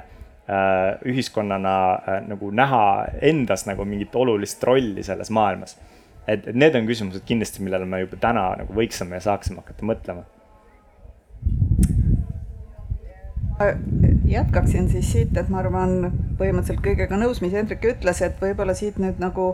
edasi seda, et ma olen natuke lootusrikkam selles osas, et mõeldakse ikkagi ka selle peale, et et valmistuda, mitte lihtsalt, et me ei oota, et kusagil toimub nii-öelda see hüpe ja tuleb see singulaarsus ja, ja, ja siis, mis me nüüd sellega teeme, et mulle tundub, et vähemalt need arengud, mis, mis ka tehnoloogia nii-öelda nagu väljatöötajad täna teevad, et nad tegelevad päris palju ka just nimelt selle inimese poole nagu analüüsiga, et ütleme, psühholoogid arutavad ikkagi, et, et mis on üldse otsustamise juures näiteks emotsioonide roll et, et kas neid emotsioone saaks ka sellele tehisintellektile anda, et noh, et, et see on nüüd ütleme eetilises mõttes on näiteks algab see peale sellest küsimusest, et et millist rolli ütleme, me tahame, et ta ainult ratsionaalseid otsuseid teeks või ta tõepoolest äh, oleks ka see emotsionaalne olend, eks ole, et ta teatud mõttes või vähemalt imiteeriks, et, et tema otsustusprotsessis oleks need emotsioonid sees, et no ütleme nii, et äh, kui me räägime, et, et ja vastus sellele küsimusele, et mida me peaks tegema mina ütleks küll, et me peaksime ikkagi proovima teda arendada selles mõttes võimalikult inimeselähedasena, et, et teatud asjad, mis otsustamise juures inimeste puhul on olulised, oleksid ka tehisintellektile arendatud, et kui me näiteks ainult tema ratsionaalsust arendame ja tema ütleme kõike seda, mis te, nagu inimese puhul, moraalse otsustaja puhul on oluline, näiteks tema empaatiavõime või tema ütleme, ma ei tea, kaastunne, hoolivus, süütunne, et need on need, mis tegelikult inimese, ma ei tea, kurje ihasid üldse suudavad taltsutada et kui me seda talle ei anna, siis ta on ju tegelikult noh, ütleme kasvõi näiteks seesama sõjatööstuse mõttes lihtsalt külm tapja. Et me arendame praegu neid nii-öelda seda tehnoloogiat just sellepärast edasi, et noh, nagu öeldakse, Milrem ütleb, et me saame saata selle ma ei tea, põlengualale või mingisse hullu katastroofi kohta saame saata mehitamata nii-öelda masina, sellepärast et tema ei karda, ta ei, eks ole, tal ei ole endal seda ohutunnet, eks ole, ta on metsatulekahjudes või, või päästjana täiesti super. aga nüüd seesama nii-öelda tapjarobot, näiteks tapjadroon, eks ole, ilma mehitamata nii-öelda droon, kes tapab, on juba noh, ka väga ohtlik, sellepärast et, et ta tegelikult ikkagi teeb asju, mis, mis, mis noh, pärast mingisugust kahetsust ei, ei, ei ole vaja teha. et mul oli näiteks üks huvitav Euroopa projekt, mida me hindasime, oli, et kus oli uuritud seda, et, et mismoodi nagu droonide opereerijad ütleme, kui nad on kasutanud seda lahingtegevuses, kuidas nad seda noh, emotsionaalselt läbi on elanud ja selgus, et ikkagi droonide nii-öelda väljasaatjad või nii-öelda operaatorid, neil on samasugused noh, südametunnistuse piinad kui lenduril, kes on pomme alla visanud. tal ei ole hirmu nagu lenduril, aga südametunnistuse piin või no ütleme selles mõttes selline halb tunne, et ta on tegelenud tapmisega, oli tal tegelikult olemas ja nüüd minu meelest siit tekib nagu see küsimus, et kas me tahame robotit või ütleme, tehisintellektile, mida rohkem me teda arendame, anda ainult väärtusi ja nii-öelda inimese sarnaseid soove või me proovime teda disainida tõeliselt ka moraalse otsustajana et see on tohutult selline asi, mida keegi lahendanud ei ole, aga mulle tundub, et tööd siiski selles osas tehakse, et võib-olla ütleme, mitte nagu päriselt võib-olla emotsioone tunda, aga käituda nii, nagu sul oleksid need emotsioonid, et seda ikkagi nagu vähemalt proovitakse, ülesandena on teadlased selle püstitanud. Ja mulle tundub, et see oleks väga oluline, et nad seda silmas peaksid. ja, ja. Et see on hästi huvitav aspekt, et kui me räägime otsuste tegemisest või otsuste jõustamisest siis väga tähtis on ka see, et milline see otsustusprotsess, millisel hetkel see tehti, kas äh, arvestati teiste arvamust, kas me mm -hmm. kommunikeerisime seda õigesti, et et üks küsimus, mida me tõenäoliselt ei jõua siin pikemalt lahata, on, äh, mida tegelikult rahvas ootab, on mis määral saab ai tegeleda riigi juhtimisega mm. -hmm. et võib-olla sa kiire kommentaari võid öelda, et äh, pannes kokku, et sa oled riigikogu liige, samal ajal ka eetika valdkonnas tugev tegija ja poliitikute eetikast räägitakse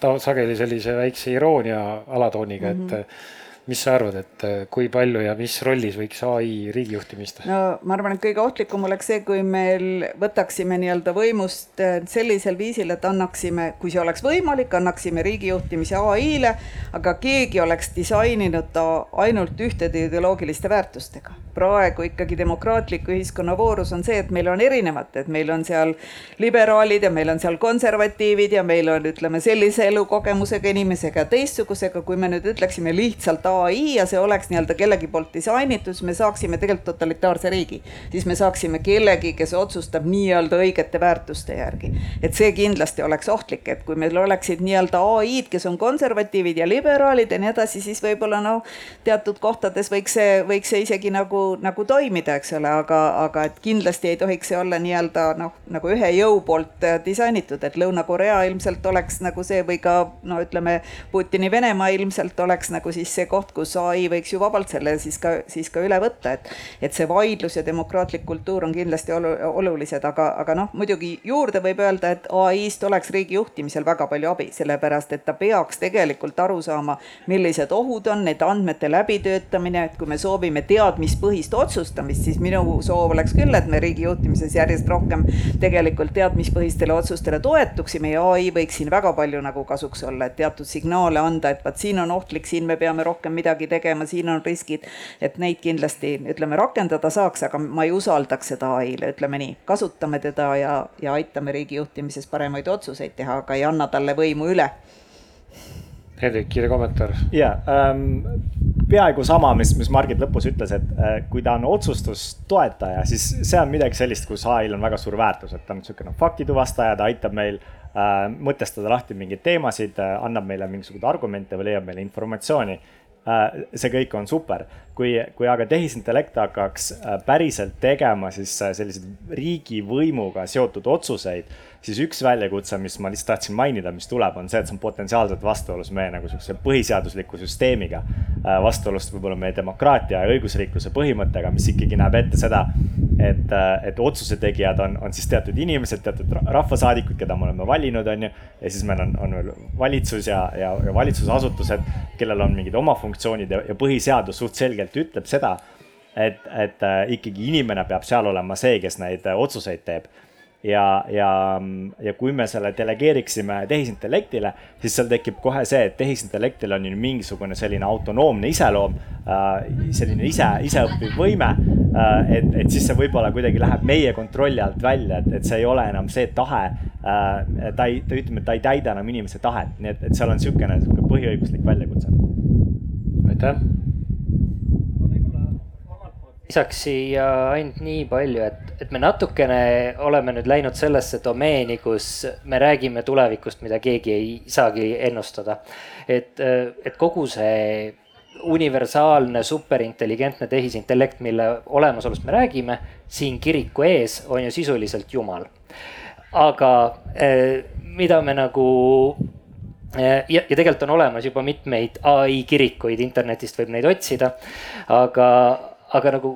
mis on nagu minu jaoks küsimus, äh, on see, et, et isegi kui me räägime riigi juhtimisest näiteks mingi üliintelligentse tehisintellekti abil. kas me oleme veendunud, et maailmas on tulevikus ainult üks tehisintellekt või on neid ka nii-öelda eriarvamustega ja me hakkame valima Riigikogusse nagu demokraatliku protsessi läbi erinevaid tehisintellekte. et neid mõttemänge on tohutult palju, aga, aga, aga lõppkokkuvõttes minule tundub, et kui me räägime millestki, mis on nii-öelda rohkemat kui inimene, siis me automaatselt räägime millestki, millest me ei tea mitte midagi ja me tegelikult ei suudagi väga midagi prognoosida. ja ma arvan, et see on omaette väga suure arutelupaneeli teema, et kui me räägime sellest iseteadvuse saavutanud tehisintellektist, mis, mis siis kõik meil äh, mitmes tasandis kaasneb, nii eetilises tasandis kui ka siis ohtude kõige mõttes. kas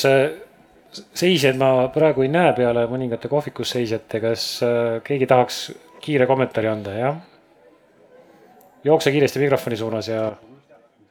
sest meil on jäänud paar minutit ja ma tahan, et meie panelistid saavad ka veel natuke rääkida. et kui visata õhku äkki selline mõte, et kas äh, täna me oleme seal, kus äh, inimene programmeerib tehisintellekti versus, et liigume sinnapoole, kus tehisintellekt tegelikult hakkab programmeerima inimest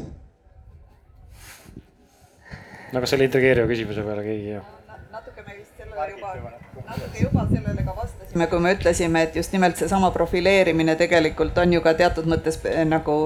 nagu programmeerimine, et, et mida rohkem ta meie valikuid tegelikult juba ette nagu märgistab ja suunab, et seda noh, vähem me kaot- või seda rohkem me kaotame oma sellist äh, nagu vabadust ja otsustus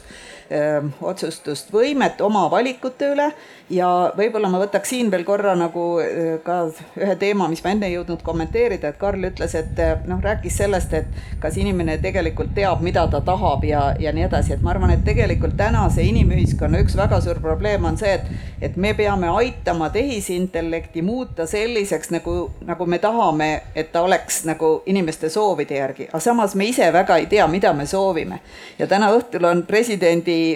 üks selline tore arutelu, kus räägitakse, mis suured väljakutsed on noorte inimeste ees, kui on nii suured kriisid ja kuidas nad sellega hakkama saavad. aga ma pean ütlema õppejõuna ja lapsevanemana ja vanaemana, et minu meelest on kõige suurem nagu väljakutse tegelikult täna noortel inimestel see, et nad saaksid selgusele, mida nad tegelikult elus tahavad. et see on väga-väga nagu raske on, on nagu aru saada, kelleks ma saada tahan, mis on need tegelikult viisid, kuidas ma tahan hästi oma elu elada inimesena, kes ma tegelikult üldse olen, mida ma üldse soovin. ja minu meelest see on nagu, nagu midagi sellist, et kui nüüd nagu tehisintellekt saaks talle aidata nagu mitte tema eest otsuseid teha, vaid oleks talle refleksiooni tugi, siis see oleks super. aga kui ta hakkab tema eest ära otsustama, siis me saame tegelikult tegelikult nagu vaesustame veelgi seda inimese nagu võimet olla inimene, sest see refleksioon ja see suur vastus nii-öelda küsimusele, kes ma olen ja mismoodi ma tahan oma elu elada, ongi see, mis teeb meist inimesed.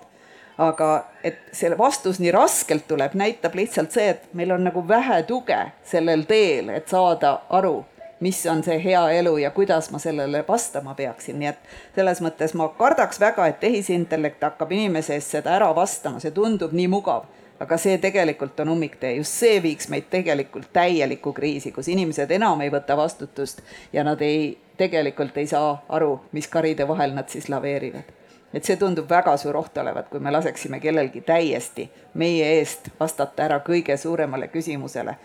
mis mi,, mida ma tahan oma elus saavutada, kuidas ma saan elada oma head elu.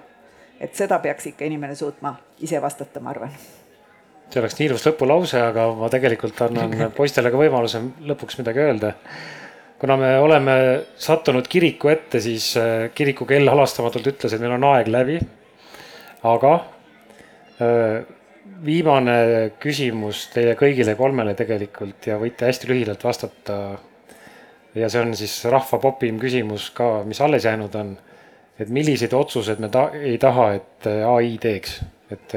võite öelda isiklikust arvamusest, võite öelda siis mingisugusest oma koolkonna arvamusest, aga et mis otsuseid täna, mitte siis äh, superintelligent veel, aga et kuhu me ei usalda täna veel ai-d, et kes tahab alustada? Helik. raske küsimus ähm